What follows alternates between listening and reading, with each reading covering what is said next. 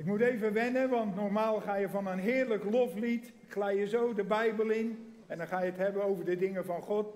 En nu moet ik vanuit een quiz, zonder mobieltje, maar met een prachtig woord, moet ik het woord gaan brengen. Maar jullie hebben een prachtig thema, werd mij aangedragen, 5 voor 12. En dat kan natuurlijk heel veel betekenen. Wat betekent nou 5 voor 12? Dat je ergens naar uitziet, nog vijf minuten en dan gaat er gebeuren, dan, dan is het zover. Of nog vijf minuten, je krijgt iets te horen waar je niet op zit te wachten. Het, het, kan, kan zoveel kanten op. Vijf voor twaalf. Ik weet nog, toen ik ongelovig was en ik ging af en toe eens met mijn vrouw mee om haar een beetje, weet je, naar mijn hand te zetten. Ik ga wel met je mee naar de kerk. En toen zat ik, is het nou nog geen vijf voor twaalf? Wat duurt dat lang, jongen, in die kerken? Ik vond het vreselijk. Nu ben ik een kind van God en nu heb ik, is het nou al vijf voor twaalf? Dat snel, joh. En ik vind de dienst ook veel te kort in Nederland. Ik heb 14 jaar in Bolivia gewerkt. En daar gaat alles veel gemoedelijker, veel langer. Dat is gewoon heerlijk. Maar ja, u moet natuurlijk allemaal om 12 uur koffie drinken en, en, op visite. Maar zo gaat het. Maar 5 voor 12 kan ook iets in zich hebben van. Het wordt eens tijd dat je over je leven nadenkt. Het is 5 voor 12. Waar, waar zijn we nu eigenlijk mee bezig? Als ongelovigen, maar ook als gelovigen. Hoe, hoe, vullen we ons leven in? We zingen die liederen zo mooi, prachtige liederen. Dankjewel, jeugdkoor of jeugdgroep, die ze hebben uitgekozen. Heerlijke liederen om de Heer te loven en te prijzen. Maar wat doen we er eigenlijk mee?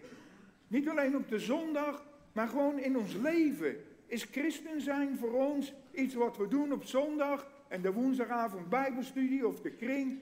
Of is het werkelijk onze identiteit geworden? Dit is wie ik ben. Ik ben een christen. En dat is zeven dagen per week zichtbaar. Vijf voor twaalf.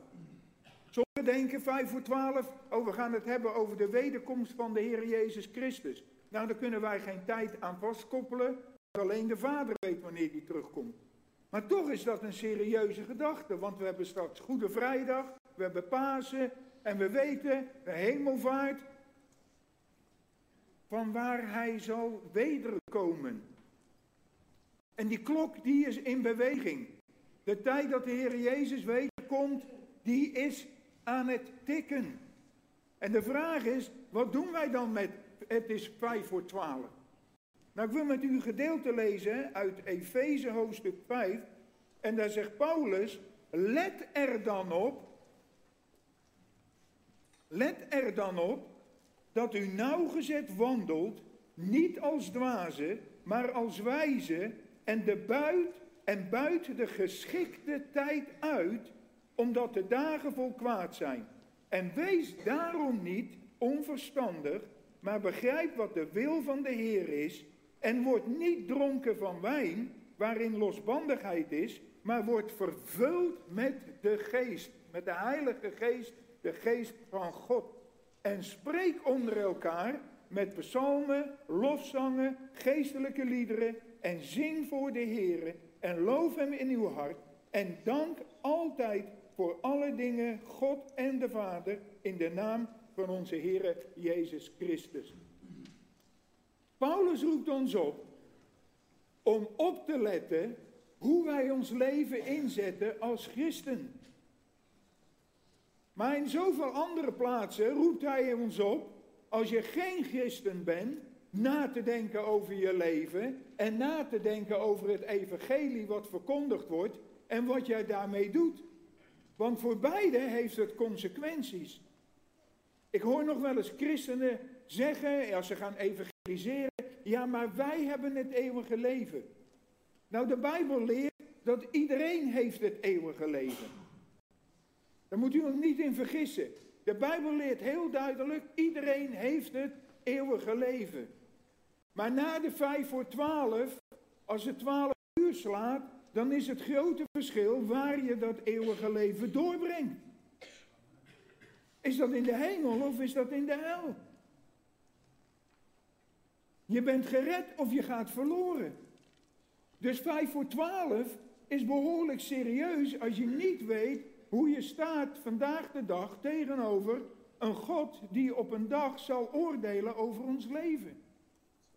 Maar Paulus schrijft hier in bijzonder aan gelovigen. En ik hoop van harte dat hier allemaal gelovigen ook zitten. En daar zegt hij tegen, let er dan op. Met andere woorden, als je christen wordt, dan word je niet als het ware uitgeschakeld en een soort evangelisch robotje, maar je wordt ingeschakeld in het verlangen van God. Want de Bijbel leert dat Gods geest getuigt met onze geest. Dus dat ziet, laat zien dat hij ons inschakelt, ons een verantwoording geeft. En Paulus die roept ons aan op die verantwoordelijkheid. En hij zegt tegen ons, let er dan op. Nou, hoe vaak doen we dat werkelijk? Hoe vaak nemen we onszelf onder de loep? Want ik merk in de kerk van, van Jezus Christus is dat we zo vaak de ander onder de loep nemen. We hebben altijd wat over de ander te zeggen. Heb je haar gezien? Heb je hem? Heb je dat gehoord? Ja, wat vind jij daarvan? Maar Paulus zegt hierop, let eens op jezelf. Let nou eens op jezelf. En let erop hoe jij wandelt. Hoe is jouw relatie met God? En hij zegt, let er dan op dat u nauwgezet wandelt, niet als dwazen. Sommige mensen vinden het woord van God een beetje scherp. God is toch liefde, het zit allemaal wel goed. Nee, het zit niet allemaal wel goed. De Bijbel is heel duidelijk en maakt onderscheid. Maakt ook onderscheid tussen gelovigen. En Paulus zegt hier, let op hoe je wandelt. Als wijze, niet als een dwaas. Wees wijs. En waar halen we de wijsheid vandaan? Uit het woord van God, uit de schriften. Daar worden we aangespoord om dat te zoeken. En hij zegt dan, zegt dan ook hier, en buit de geschikte tijd uit. Buiten geschikte tijd uit. Met andere woorden, de tijd die je nog gegeven is, gebruik die nou nuttig. Gebruik die nou voor je persoonlijke relatie met de Heer, voor de gemeente en als een getuige in deze wereld waar de Heer verkondigd moet worden. Buiten geschikte tijd uit. En doen we dat? De vraag is of we dat doen. Of verzanden wij ook weer in onze tradities. En we hebben straks weer Goede Vrijdag en weer Paas en weer Hemelvaart. En wij hebben het allemaal zo goed met elkaar. Maar de wereld daarbuiten, die weet niet eens waar we het over hebben. Die weet niet eens waar we het over hebben. En die wereld gaat wel verloren. En wij zingen hier van verlossing, van vergeving, van verzoening, van eeuwig leven, van een God van liefde, een God van trouw. En wat biedt de wereld? Die biedt heel wat anders. Die biedt heel wat anders. Misschien kent u dat laatste liedje van André uh, Hazes, heet die André Hazes geloof ik, junior. Dat is een liedje, dan komt hij in een kroeg in Amsterdam. Kan niet anders als het zo'n Nederlandse smartlap is. Vindt meestal in de kroeg plaats. En er zit een man en die is aan het drinken en die is verdrietig en die heeft pijn. En die geeft advies. En het advies is, leef, ik heb het hier even opgeschreven, want ik ken dat lied niet. Leef alsof het je laatste dag is. Met andere woorden, gooi het eruit. Wat kan jou het schelen? Leef alsof het je laatste dag is. Dan zegt hij, en leef alsof de morgen niet bestaat. Dat is een leugen. Dat is een leugen. Want de Bijbel zegt dat het is een mens gegeven eenmaal te sterven en daarna het oordeel. Met andere woorden, er is wel een morgen. Maar de wereldse denken is, leef alsof er geen morgen is. En leef alsof het nooit echt af is. Nou, er komt een dag, dan is het voor een ieder van ons is het af, is het over. En ik denk we allemaal wel mensen om ons heen kennen. Waarvan het al over is. De laatste twee weken, het lijkt wel een stormvloed, zijn er geloof ik al zes of acht mensen in, onze omgeving, in onze kleine kern de kennissenkring, die zijn er niet meer. En de wereld zegt, wat maakt het nou uit? Leef alsof er geen morgen is. Leef alsof de dag niet bestaat. En dan krijg je dat koor en dan zegt hij, pak alles wat je kan en ga a a a a a a a. En dat is het advies. Wat moet ik doen? Ga, a, a, a, a, a, a, a. Dat is het advies. Is dat het advies voor jongeren? Is dat het advies voor uw kinderen? Is dat het advies voor ons volwassenen? Weet wat de Bijbel zegt in Prediker? Dan zegt hij, denk aan uw schepper in de dagen van uw jeugd. Dan kunt u zeggen, ja maar ik ben 60. Nou, dan ben u nog lekker jong. We hebben net een verjaardag gevierd, iemand 75 deze week. Oh, wat heerlijk jong. Kijk hoe oud Adam was. Dan zijn wij jong. Maar hij zegt hier, Mies, dit is de raad van God. Dat is niet ga, a, a, a, a, a, a. Maar die zegt, gedenk aan uw schepper in de dagen van uw jeugd, voordat de kwade dagen komen en de jaren naderen waarvan u zult zeggen, ik vind er geen vreugde in. Met andere woorden, ik heb er spijt van. En wat loopt er een jeugd tegenwoordig die daarmee zit? Ik heb gekeken naar onderzoeken van sterfgevallen in 2018. Vorig jaar, Nederland. Het hoogste sterfste cijfer ligt tussen de leeftijd van 15 tot 29 jaar. Daar ligt het hoogste sterfste cijfer.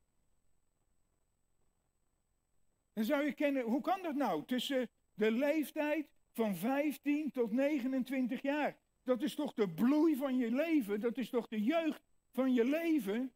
Nee, er is gebleken, dat is de leeftijdsgroep in Nederland waaronder de hoogste zelfdoding is. De hoogste zelfdoding. 15 jaar oud tot 29 jaar oud.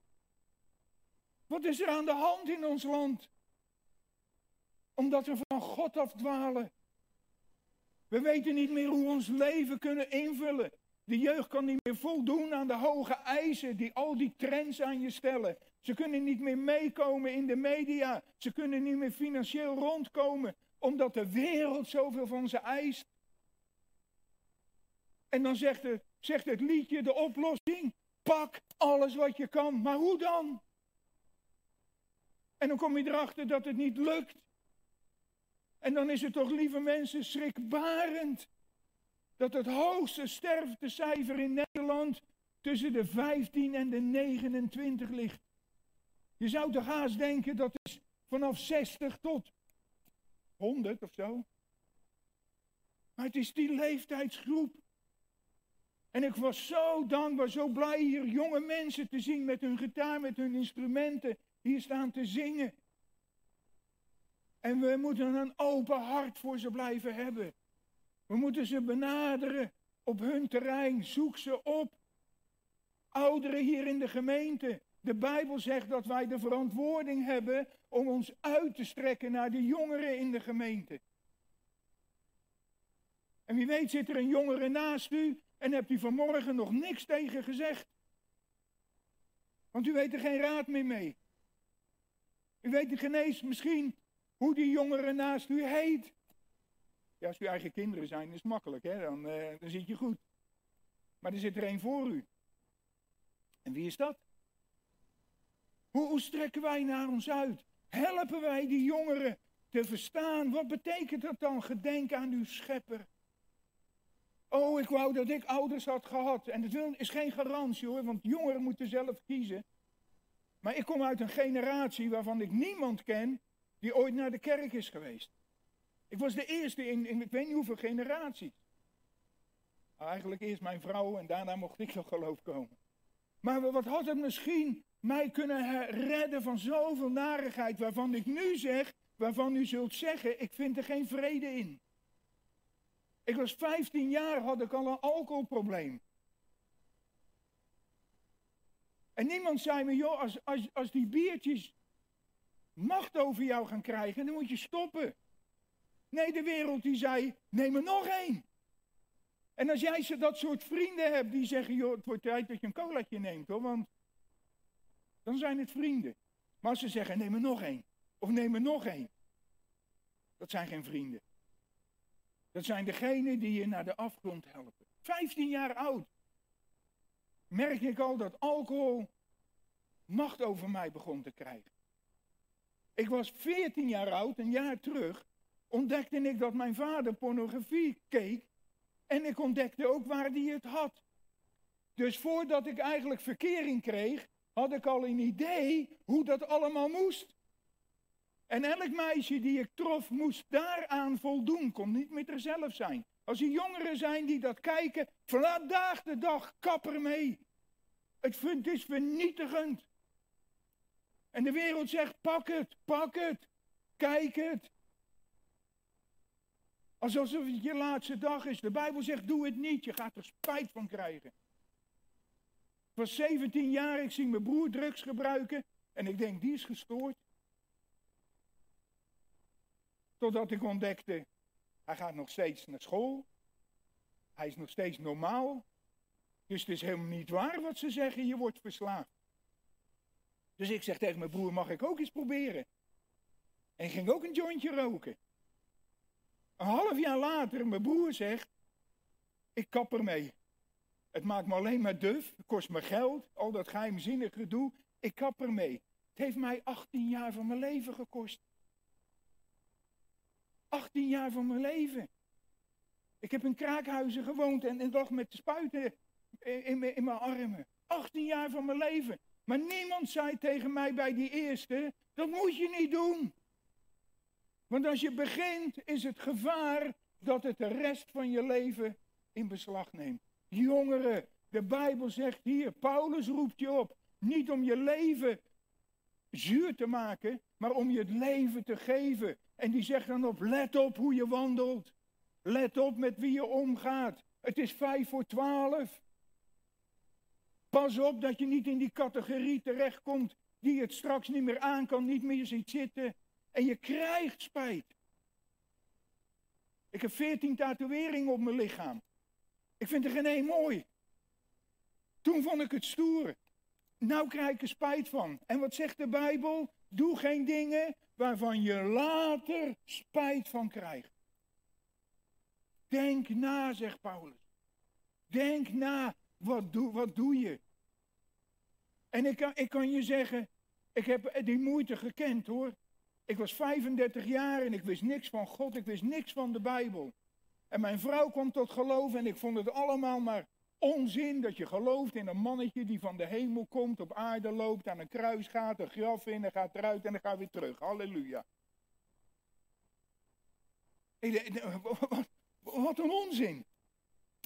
Totdat je het ontdekt in je eigen leven. Dit is leven. Dit is waarheid. En de Heer Jezus zegt, ik ben gekomen om jullie leven te geven. En, en de kerk, die, die, die verkondigt het soms al, ik, ik ben gekomen om jou aan banden te leggen. Nee, je leeft in die banden als je de Heer Jezus niet kent. Maar als je Hem aanneemt in je leven, dan ga je echt leren wat vrijheid is. Want ik dacht toen ik ongelovig was, dat ik vrij was. Maar ik was gebonden. Ik was gebonden door het leven, gebonden wat mijn vrienden vonden, gebonden door de drank, gebonden door de drugs. Ik raakte nog in vechtsporten en daar, daar, kon ik me helemaal in uitleven. En ik werd eigenlijk nog gestoorder dan ik al was. Totdat ik de Heer Jezus leerde kennen.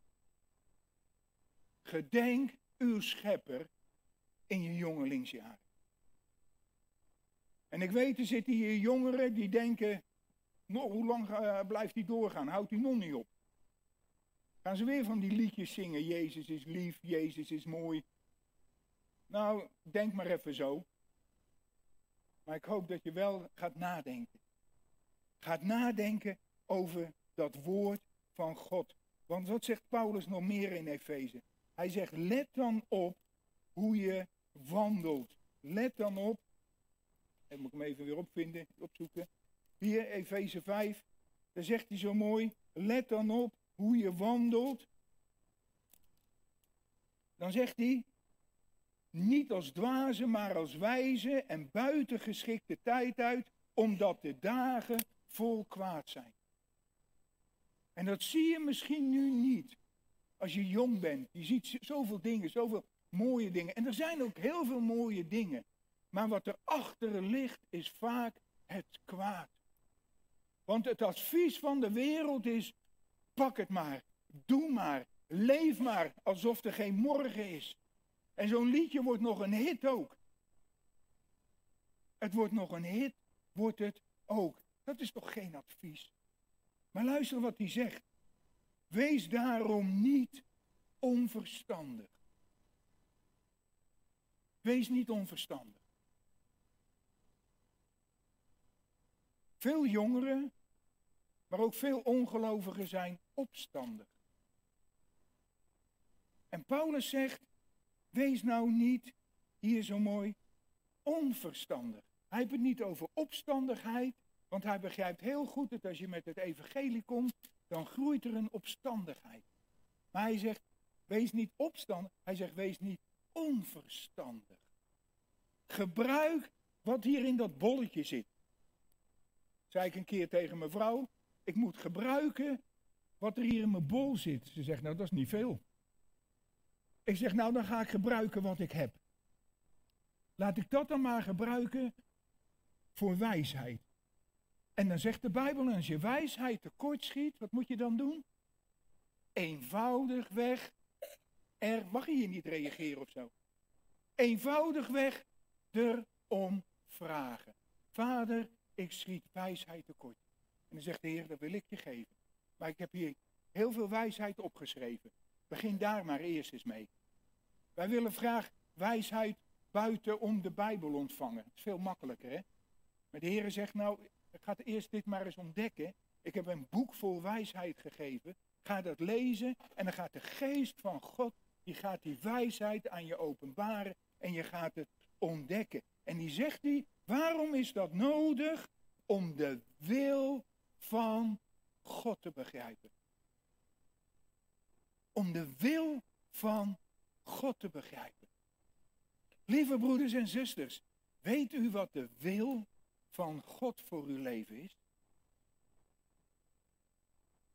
Mijn gebeden toen pas christen was, waren altijd gericht op mijn wil. Heer, ik wil zo graag. Heer, ik wil dit.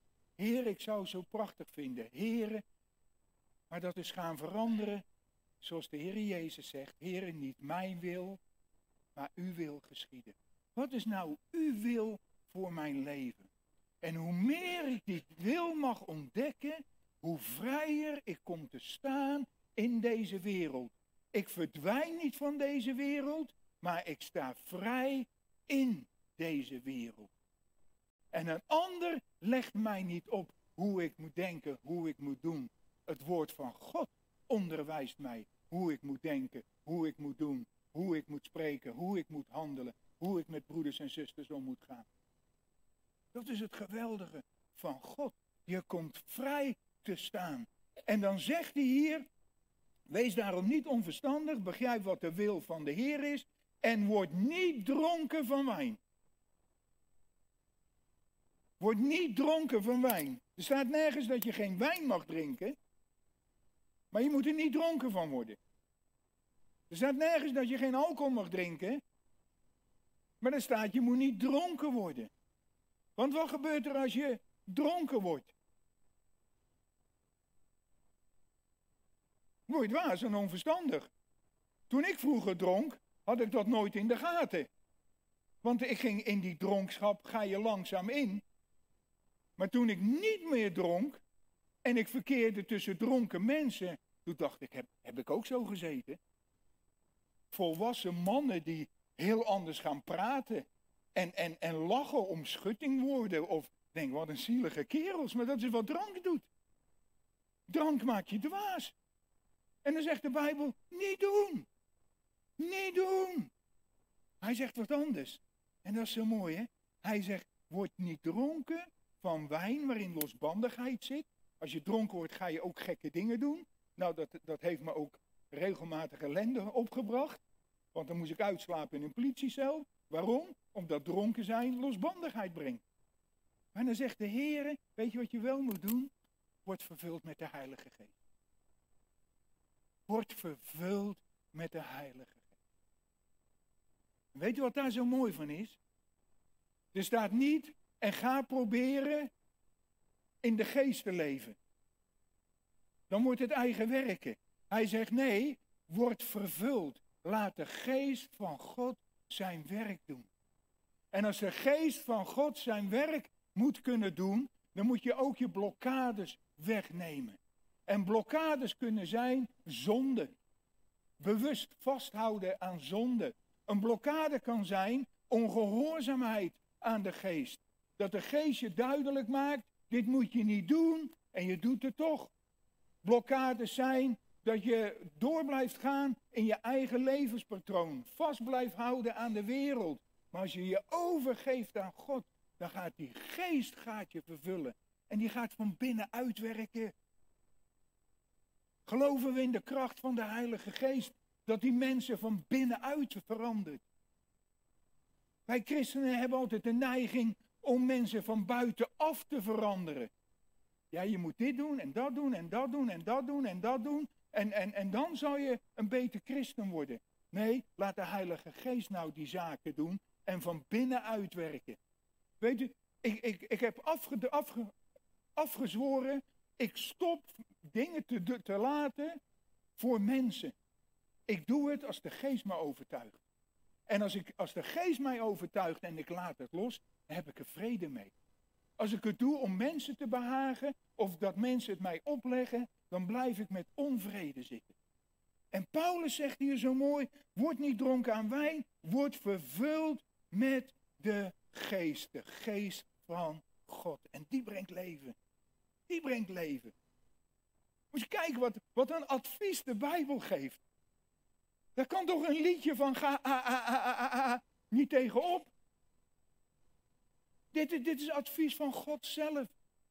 En dan zegt hij, weet je wat je dan moet gaan doen? En spreekt onder elkaar met psalmen, lofzangen en geestelijke liederen. En zing samen de Heere. En hebben er misschien sommigen gezeten, moet dat dan al die instrumenten, moet dat dan al die moderne liedjes? Nou, er staat alle geestelijke liederen. Dus als het een geestelijk lied is, zing hem dan van harte mee. En wie weet komen we in de hemel nog veel meer instrumenten tegen van, van, van, vanaf het begin, van alle stammen, van alle culturen. En al die instrumenten tezamen worden gebruikt om de Heer te loven en te prijzen. Dus ik zou zeggen, wend er alvast maar aan. Wend er alvast maar aan. Want we gaan daar loven en prijzen op een manier dat ons echt te boven gaat. Dat zal zo zuiver, zo mooi, zo heerlijk zijn. Maar laten we daar nu mee beginnen. En, en zing mee met de jeugd. Maar ook leef met ze mee. Geef ze een warm welkom elke keer als ze er zijn. Probeer ze te bemoedigen, te sterken in de terreinen waar ze mee zitten. Ze hebben het nodig. Denk aan die getallen. 15 tot 29, die leeftijdsgroep. Heeft het het zwaarst hier in ons welvaarts Nederland. Deze groep. En er zitten er hier heel veel van deze leeftijdsgroep. En maken we ons echt bezorgd over hen. Zijn we echt met ze bezig. Want dan zegt hij, en zing voor de Heere en loof hem in uw hart. Geloven moet een hartzaak zijn. Met heel je hart, met heel je ziel en met alles wat in je is. En dan zegt hij, en dank altijd voor alle dingen God en de Vader in de naam van onze Heere Jezus Christus. Dankzegging. Heere, dank u voor alle jonge mensen die hier zitten. Dank u voor alle leeftijdsgroepen. Dank u, Heere, dat we ze voor uw troon van genade mogen brengen. Dank u dat u ze kent persoonlijk, e, elke persoonlijk bij hun naam. En, en we gaan als gemeente bidden dat u, dat u ze vasthoudt en dat ze mogen ontdekken dat het leven met u het echte leven is. Jongeren hier aanwezig, ik zou je zeggen, christen zijn is het mooiste wat er is. Ik heb behoorlijk geproefd van wat de wereld biedt. Ik heb dat, dat, die tekst, leef alsof het je laatste dag is. Leef alsof de morgen niet bestaat. Leef alsof het nooit echt af is, heb ik in de praktijk uitgevoerd. En het heeft me alleen maar ellende gebracht. Als je de Heer Jezus leert kennen. Als je je hart opent voor Hem. Als je die keuze durft te maken. En misschien moet je hem wel opnieuw nog een keer maken. Dat je afgedwaald bent en zegt, Heer, ik wil opnieuw met u verder. Dan is het vandaag vijf voor twaalf. Dan zegt de Heer vandaag tegen jou, kom maar. Kom maar. Ja, maar. Ja, er is geen ja, maar. Ja, maar ik, ik. Dan zegt de Heer, dat maakt mij niet uit. Kom maar. Je mag komen zoals je bent. Vind je dat niet schitterend? Is toch schitterend of niet? Dat je, dat je mag komen zoals je bent. En weet je wat nog mooier is? Dat de Heer Jezus zoveel van je houdt, dat hij je niet laat blijven wie je was.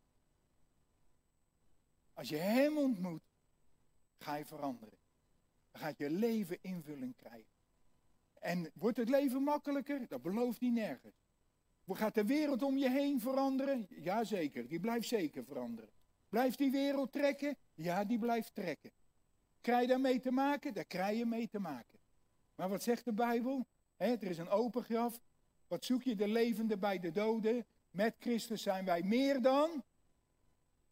Nou, dat klinkt niet als een overwinning. Goedemorgen. Met Christus zijn wij meer dan. Juist, laten ze het maar weten. Alles wat rondom ons zweeft. Met, in Christus zijn wij meer dan overwinnaar. Weet je, als, als, als dan dat lied zingt en ga, a, a, a, a, a, en verder weet hij niet meer, dan zeg ik vandaag, en ga a, achter, achter, achter Jezus aan. Want ik weet het antwoord wel. En als je hem gaat volgen, als je naar zijn stem gaat luisteren. Oh, wat een rijke zegen is dat. Wat een rijke zegen. En als je dat woord dan gaat lezen. En je bent een kind van God. En je bidt de Vader, Heere, wilt u mij maar leren? Wilt u het mij maar laten zien? Dan gaat hij dat doen. Maar altijd op het niveau waar jij in je geestelijk leven zit. Hij wil je dingen laten zien op een moment dat je er ook iets mee kan. En hij doet dat wonderlijk wel. Ik was 35 jaar, ik had nog nooit een Bijbel gelezen. Nou, wat een ellende als je dan gaat beginnen. En heb je van die dominees, die zetten een, versje uit uh, Genesis en dan gaan ze naar Efeze en dan gaan ze naar, naar Jezaja. En ik werd helemaal dol van het ding. En gelukkig was ik dankbaar, ik de Heer gedankt voor de index. Mensen hadden een favoriete Bijbelvers. Ik had een favoriete pagina. De index. En dat heeft me gewoon geholpen om te ontdekken waar die Bijbelboeken zitten.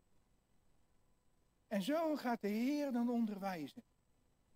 Maar jij moet de stap nemen. Het ligt niet aan God. Alles is ervoor gedaan.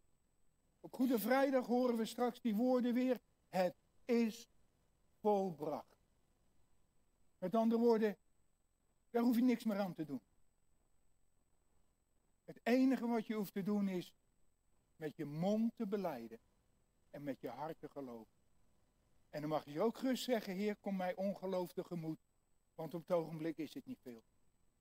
Dan gaat hij daar aan tegemoet komen. Dan gaat hij dat geloof bevestigen. Vijf voor twaalf. Als die klok nou in uw leven gaat tikken.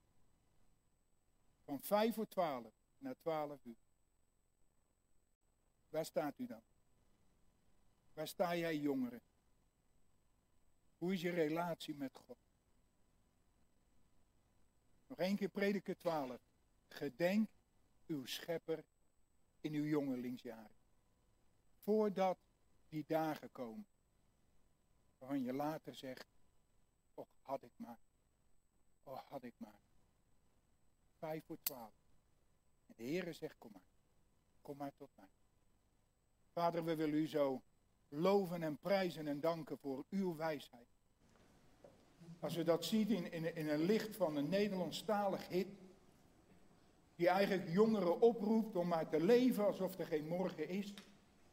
Te leven of, of er niks aan de hand is te leven en alles maar pakken wat je pakken kan, dan snappen we, heren, wat daarachter zit.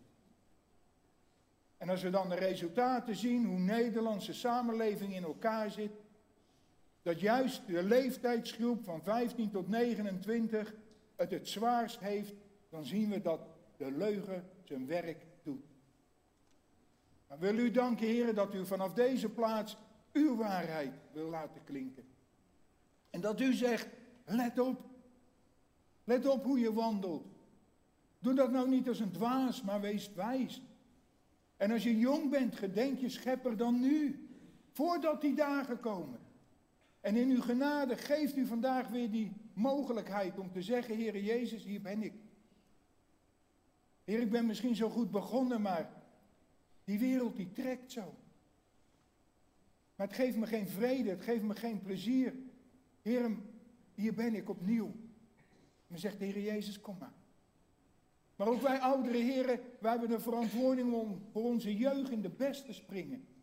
Door voor ze te bidden, door voor ze te zijn, door ze te omarmen, door ze liefde te bewijzen, door ze te kennen.